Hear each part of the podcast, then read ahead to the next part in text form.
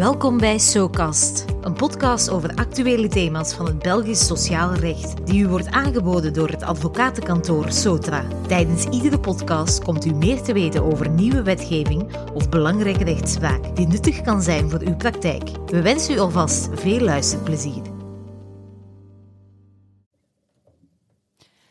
Hallo, mijn naam is Johanna Verelst, advocaat bij het advocatenkantoor Sotra. Ik heet jullie graag welkom voor een nieuwe aflevering van SoCast, een podcast over arbeidsrecht. Ditmaal met Marianne de Waarzegger. Vandaag gaan we het hebben over de nieuwe reïntegratieprocedure voor arbeidsongeschikte werknemers. Het zogenaamde reïntegratietraject 2.0, dat sinds 1 oktober 2022 in werking is getreden. Eerst en vooral, Marianne, wat zijn de redenen van deze hervorming van het reïntegratietraject? Wel, het oorspronkelijke reïntegratietraject werd ingevoerd in 2017 in de hoop om meer mensen terug te laten reïntegreren bij hun eigen werkgever na een periode van langdurige ziekte. Tegelijkertijd werd ook de wet op de arbeidsovereenkomsten aangepast en voortaan zou een arbeidsovereenkomst enkel nog maar omwille van medische overmacht kunnen ontbonden worden na het doorlopen van een reïntegratietraject. Maar die verhoopte resultaten van de nieuwe procedure bleven uit. En het reïntegratietraject miste dan ook zijn doel. In de grote meerderheid van de gevallen kwam het niet tot een reïntegratie, maar leidde het traject eigenlijk tot de beëindiging van de arbeidsovereenkomst wegens medische overmacht.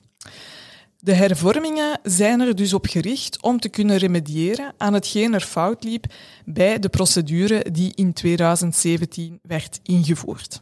De belangrijkste aanpassing is dan ook het feit dat het traject niet langer gekoppeld is aan de mogelijkheid om de arbeidsovereenkomst te beëindigen omwille van medische overmacht. Voor deze situatie bestaat er nu een nieuwe, afzonderlijke procedure. Deze komt niet vandaag aan bod, maar wel in een volgende podcast.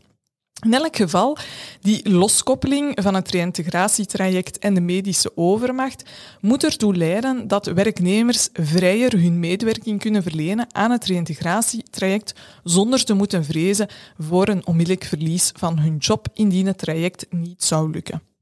Oké, dat is inderdaad een andere aanpak. Zijn er voor de rest nog zaken aangepast aan het reïntegratietraject? Ja, er zijn ook wel wat wijzigingen aan de procedure zelf. Um, zo kan een reïntegratieprocedure voortaan iets sneller opgestart worden. De beoordeling door de preventieadviseur arbeidsarts is ook vereenvoudigd. Hij kan nu slechts nog maar drie types van beslissingen nemen, waar dat er vroeger vijf waren. En ook hier en daar werd er wat gesleuteld aan de termijnen. Laten we de verschillende stappen van het reïntegratietraject 2.0 bekijken. Allereerst heeft de preventieadviseur arbeidsarts vanaf nu een informatieplicht. Wat houdt die plicht in? De werkgever zelf die moet, ook zoals dat vroeger reeds het geval was, eigenlijk de preventieadviseur arbeidsarts in kennis stellen van elke arbeidsongeschiktheid van vier weken of meer. Wanneer de preventieadviseur arbeidsarts die informatie krijgt, moet hij dan de arbeidsongeschikte werknemer zo snel mogelijk contacteren en informeren over de mogelijkheden bij werkhervatting. Bijvoorbeeld over het feit dat hij dus een verzoek of een bezoek voorafgaand aan de werkhervatting kan vragen, of uh, dat hij de mogelijkheid zou hebben om een reïntegratietraject op te starten. Wie kan allemaal een reïntegratietraject opstarten? Ofwel gaat het initiatief uit van de werknemer en die kan dat eigenlijk op eender welk ogenblik doen. Ofwel gaat het initiatief uit van de werkgever en die kan dat doen na drie maanden afwezigheid. Ofwel van zodra dat de werknemer een attest van zijn behandelend arts binnenbrengt waarin geattesteerd wordt dat de werknemer definitief ongeschikt is voor het overeengekomen werk. Om die periode van drie maanden te berekenen, wordt wel geen rekening gehouden met korte werkhervattingen van minder dan 14 dagen. Dus in vergelijking met vroeger kan het reïntegratietraject nu iets vroeger worden opgestart door de werkgever, hetgeen de slaagkansen zou moeten vergroten. En wat gebeurt er als de werknemer niet ingaat op de uitnodiging van de preventieadviseur arbeidsarts? Ja, dat is ook uitdrukkelijk voorzien in de regelgeving. Indien een werknemer drie keer niet reageert op de uitnodiging van de preventieadviseur arbeidsarts, waarbij er dan telkens minstens 14 kalenderdagen tussen de uitnodigingen moet zitten, wel dan eindigt het reïntegratietraject. De wet voorziet wel dat werkgever ook eh, zijn medewerking moet verlenen aan de arts om ervoor te zorgen dat de werknemer toch uh, gecontacteerd kan worden of op de uitnodiging ingaat, bijvoorbeeld door te proberen zelf contact op te nemen met de werknemer. Hoe dan ook, de afloop van het reïntegratietraject in dit geval zal niet tot gevolg hebben dat de werkgever de medische overmacht kan inroepen. De arbeidsovereenkomst die zal in principe blijven bestaan en de wet voorziet ook geen specifieke arbeidsrechtelijke sanctie voor de werknemer die niet meewerkt aan het reïntegratietraject. Nu, laten we ervan uitgaan dat de werknemer wel komt opdagen. Welke beslissingen kan de preventieadviseur arbeidsarts dan nemen? Zoals gezegd, hij heeft drie mogelijke beslissingen die hij kan nemen en hij moet dat doen binnen de 14 kalenderdagen na de aanvang van het traject. De eerste beslissing, de zogenaamde beslissing A, houdt in dat de werknemer op termijn het overeengekomen werk zal kunnen hervatten. De preventieadviseur arbeidsarts gaat dan wel ook de voorwaarden meegeven voor ander of aangepast werk dat de werknemer intussen tijd zou kunnen doen. De tweede beslissing is de zogenaamde B-beslissing. Die houdt in dat de werknemer definitief ongeschikt geacht wordt om het overeengekomen werk te verrichten. Ook in dat geval gaat de preventieadviseur arbeidsarts de voorwaarden kunnen meegeven voor eventueel ander of aangepast werk dat de werknemer wel nog zou kunnen doen. Tot slot kan hij ook een beslissing C nemen en daar uh, dat heeft betrekking op de situatie dat hij oordeelt dat het om medische redenen voorlopig niet mogelijk is om een reïntegratiebeoordeling te doen. In dat geval wordt het reïntegratietraject beëindigd. Een nieuw traject kan dan in principe ten vroegste drie maanden na deze beslissing worden opgestart, tenzij de preventieadviseur aanneemt dat er goede redenen zijn om van die termijn af te wijken. Oké, ik neem aan dat na deze reïntegratiebeoordeling de werkgever terug aan zet is. Welke stappen moet hij volgen? We beginnen eerst met een overlegmoment. Zowel in de A- of B-beslissing, dus wanneer er ander of aangepast werk mogelijk is, moet de werkgever die concrete mogelijkheden gaan onderzoeken.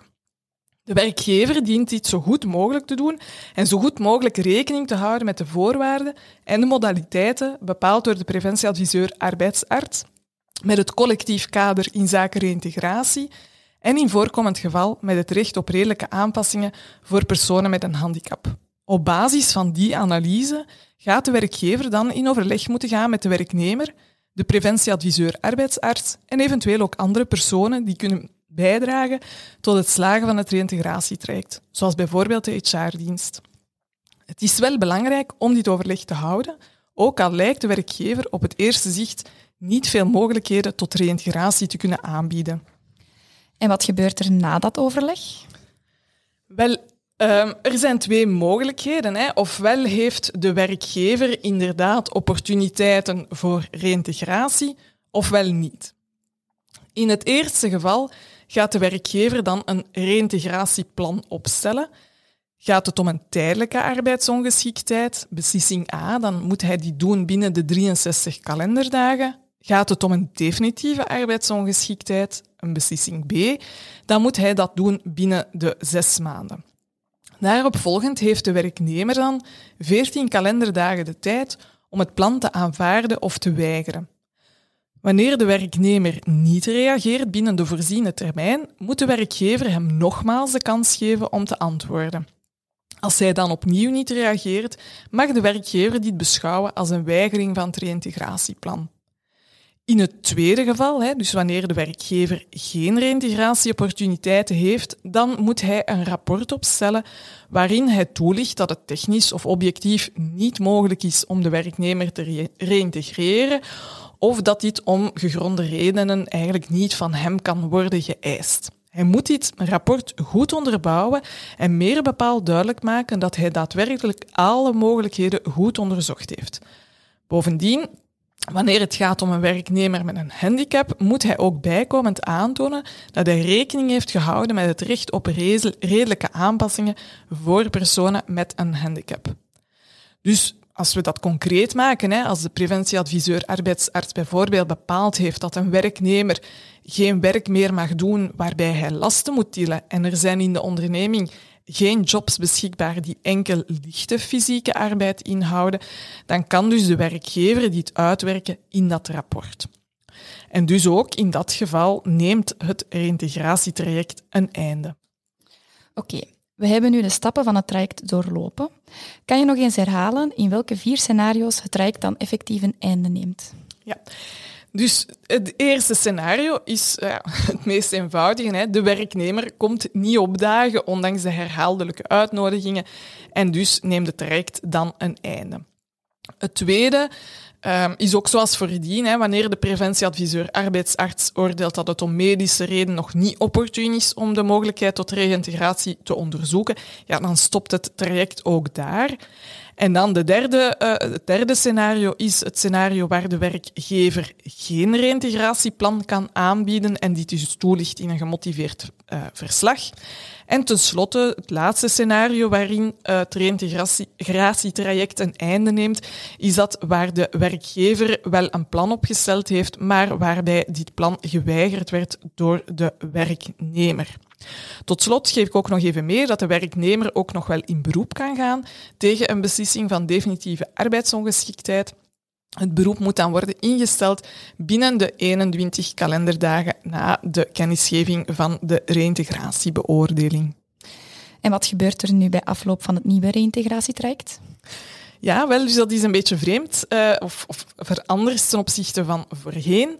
In principe gaat er niets gebeuren. De arbeidsovereenkomst zal gewoon blijven bestaan tot ofwel de werknemer teruggeschikt is voor het overeengekomen werk, of totdat de arbeidsovereenkomst op een andere manier een einde neemt, bijvoorbeeld door een ontslag. Ogelijk is het mogelijk dat er op termijn een nieuw integratietraject opgestart wordt, of dat een van de partijen de bijzondere procedure tot medische overmacht opstart. Maar daarover dus meer in een volgende podcast. Bedankt Marian voor deze update. Dank voor het luisteren en tot snel voor een nieuwe aflevering van SoCast.